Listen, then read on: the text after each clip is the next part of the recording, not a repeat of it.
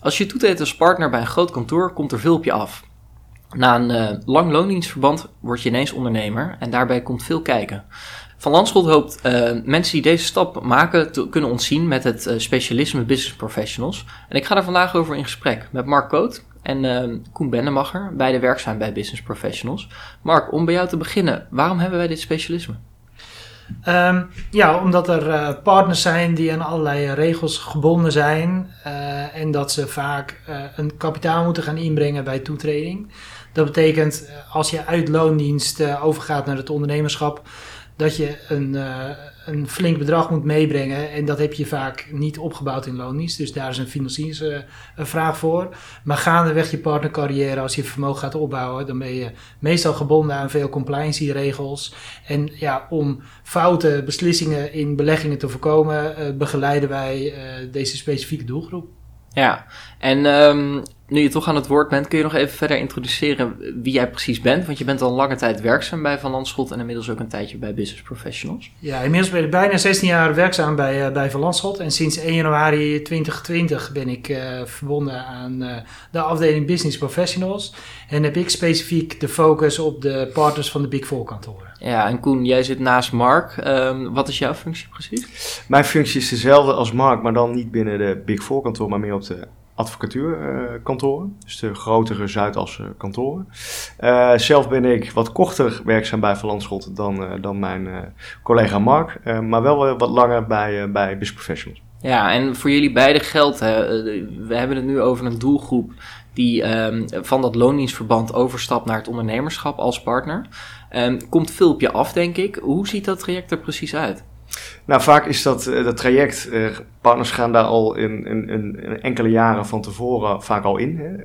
Uh, je ziet vaak een, een doorgroei van salary partner naar equity partner. Maar er komt een heleboel dingen op je af. Je moet vaak dat risicodragende kapitaal inbrengen. Verschilt ook weer per kantoor. Ik zie ook een aantal kantoren waar dat weer niet van toepassing is.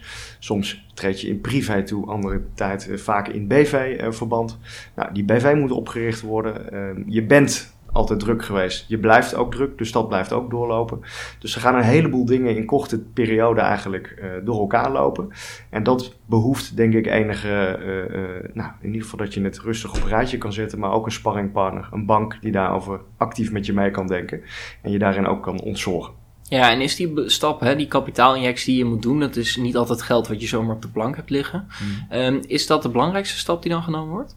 Ja, ik denk voor een toetreder in het begin is dat, kan dat best wel een forse som geld zijn. Hè? Dus dat voelt best wel als een, een, een, een, ja, een hoorde die je moet nemen.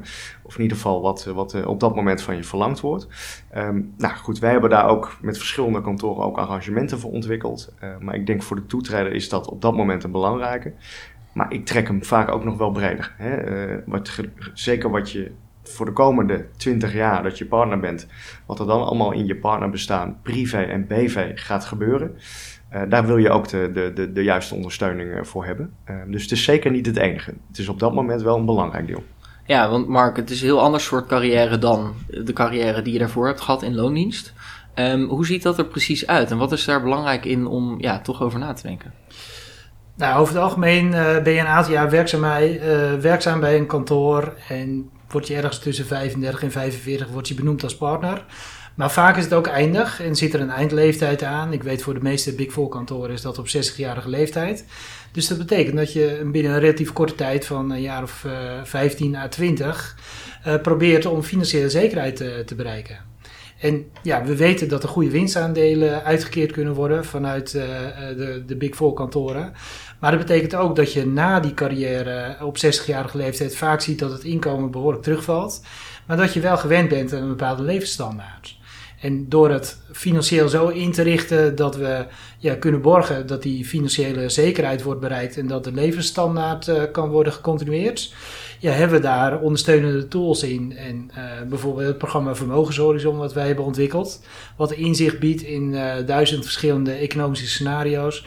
Ja, welke vermogensopbouw je kunt nastreven, maar ook welke bedragen je kunt reserveren voor later als je een lager inkomen zult hebben. Ja, want het is natuurlijk zo dat je zelf verantwoordelijk wordt voor je pensioen als je dus partner wordt, omdat je ondernemer bent. Uh, en tegelijkertijd valt dat pensioen, of in ieder geval de terugval in je inkomen, natuurlijk ook een stuk eerder dan Ehm, ja, het, het, is een soort relatief korte topsportcarrière, vergelijk jij het wel eens mee, hè? Ja, zo, benoem ik dat wel vaker, want het is vaak een intensieve periode. Als partner heb je veel verantwoordelijkheden en wordt er veel van je verlangd. Dat betekent soms ook dat je op je sociale leven wel wat, uh, wat moet inleveren. En tegelijkertijd zien we ook wel dat je met uh, uitredingsleeftijd... je toch ook vaak niet meer de ambitie hebt om zo hard te werken als die periode daarvoor. En soms is er nog wel een bepaald inkomen uit commissariaten of uit de Raad van Advies of uh, vanuit de Raad van Toezichtfuncties. Maar vaak zien we ook wel dat deze partners uh, ervoor kiezen om het een stukje rustiger aan te gaan doen. En hoe fijn is het dan als er geen financiële druk meer is en dat je de schaapjes op bedrogen hebt en uh, voldoende vermogen hebt om van te kunnen leven en je niet meer financieel zorgen hoeft te maken. Ja, dat is natuurlijk heel belangrijk en daar kunnen wij in faciliteren. Maar die dienstverlening die jullie aanbieden, Um, is dat nog breder dan dat? Zeker breder dan dat. Um, het is natuurlijk wel een groot onderdeel. Hè. Als private bank probeer je natuurlijk ook voornamelijk je relaties op dat vlak te ontzorgen. Maar het gaat natuurlijk breder dan dat. Voor, bijvoorbeeld een groot onderdeel is wat wij zien bij heel veel toetreders de eerste jaren is het stukje uh, financieren van een nieuwe eigen woning. Je komt natuurlijk van loondienst naar DGA bestaan als ondernemer. Uh, salaris uh, gaat vaak veranderen. In ieder geval de verdiensten gaan wat, uh, wat, gaan wat omhoog. Er wordt vaak een nieuwe woning bij. Ik merk ook bij veel toetreders zitten dan net in de, in de kinderperiode. Nou, een nieuwe woning betekent een nieuwe financiering. Nou, in die nieuwe situatie merken we dat veel partijen, veel andere marktpartijen, um, daar toch wel lastiger vinden om daarin te adviseren. Hè? De, de loondienstsituatie is redelijk straightforward. Uh, maar de DGA, het DGA-bestaan, uh, uh, ja, dan ga je jezelf niet het maximale loon uitkeren. Dat beperkt dan weer je leencapaciteit. Nou, wij rekenen altijd enerzijds met een stukje loon, maar ook met een stukje eigenlijk fictief dividend, wat je daarbovenop nog zou kunnen uitkeren. en dat werkt wel altijd mee in, in, de, in de leencapaciteit en dus de mogelijkheden voor een eigen woningfinanciering. maar het is ook breder dan dat. Hè? Ook het stukje commercieel vastgoed, maar daar is mijn collega Mark helemaal op ingericht. Ja, want hoe zit dat maar? Nou, aardig is dat we vaak uh, zien dat uh, ja, de woningprijzen natuurlijk behoorlijk zijn uh, gestegen de laatste tijd. En dat we vaak zien dat er ruimte is tussen de marktwaarde van dit moment en de financiering die er op dit moment op rust. En juist door die overwaarde te benutten, kunnen we bijvoorbeeld een extra financiering verstrekken om een recreatief vastgoed of vastgoed aan te kopen voor de verhuur. En ja, dat is ook nog een extra vermogenscomponent die je als partner kunt, uh, kunt gaan opbouwen. Dat je huurinkomsten hebt op het moment dat je uitgetreden bent. Dat je niet af, alleen afhankelijk bent van je beleggingsresultaat, maar ook nog huurinkomsten zult hebben. Ja. ja, we hebben het nu dan over veel verschillende vormen van vermogensopbouw. Um, hoe je daar het beste mee om kan gaan. Um, moet je nou ook nog opletten met ja, vermogensopbouw waar je wel en niet in kan investeren? Jazeker, want uh, ja, de partners van, van de Big Four kantoren die zijn uh, onderhevig aan uh, behoorlijk wat uh, compliance regels. met name omdat ze eventueel de schijn van voorkennis hebben die ze kunnen gebruiken om een, een belegging aan te schaffen. Hebben wij het product Compliant Beheer bedacht en in de markt gezet. En dat betekent dat we voor ieder Big Four kantoor afstemmen wat wel en niet toelaatbaar is om in te kunnen investeren. En dat wij het beheer van het vermogen uitvoeren en afstemmen met de compliancy-afdeling van het betreffende kantoor, ja, wat wel en niet toelaatbaar is. En uiteraard proberen we alleen maar uh, beleggingen die toelaatbaar zijn in de portefeuille op te nemen. En daar slagen we zeer goed in. Ja, want als jij jaarrekeningen aftekent, dan is dat natuurlijk een risico dat je niet uh, de, de vorm van belangenverstrengeling kan hebben, dat je daar ook in belegt. Exact, ja uh, met name het Financieel Dagblad vindt het wel interessant om uh, daar kopgroot uh, nieuws van te maken. Maar je wil als partner natuurlijk niet de krant halen dat je de schijn van voorkennis hebt gebruikt om jezelf te verrijken. En met name, ja, dat zijn ook flinke boetes die worden uitgedeeld. En dat proberen we uiteraard te voorkomen. En, ja, ja, dat dus dat is eigenlijk een stuk ontzorging op het gebied van compliance. Um, hoe geldt dat bij jou? Want voor die Big Four kantoren ben je natuurlijk echt bezig met het aftekenen van uh, ja, jaarverslagen en jaarrekeningen. Um, is dat in de advocatuur, uh, spelen diezelfde risico's daar?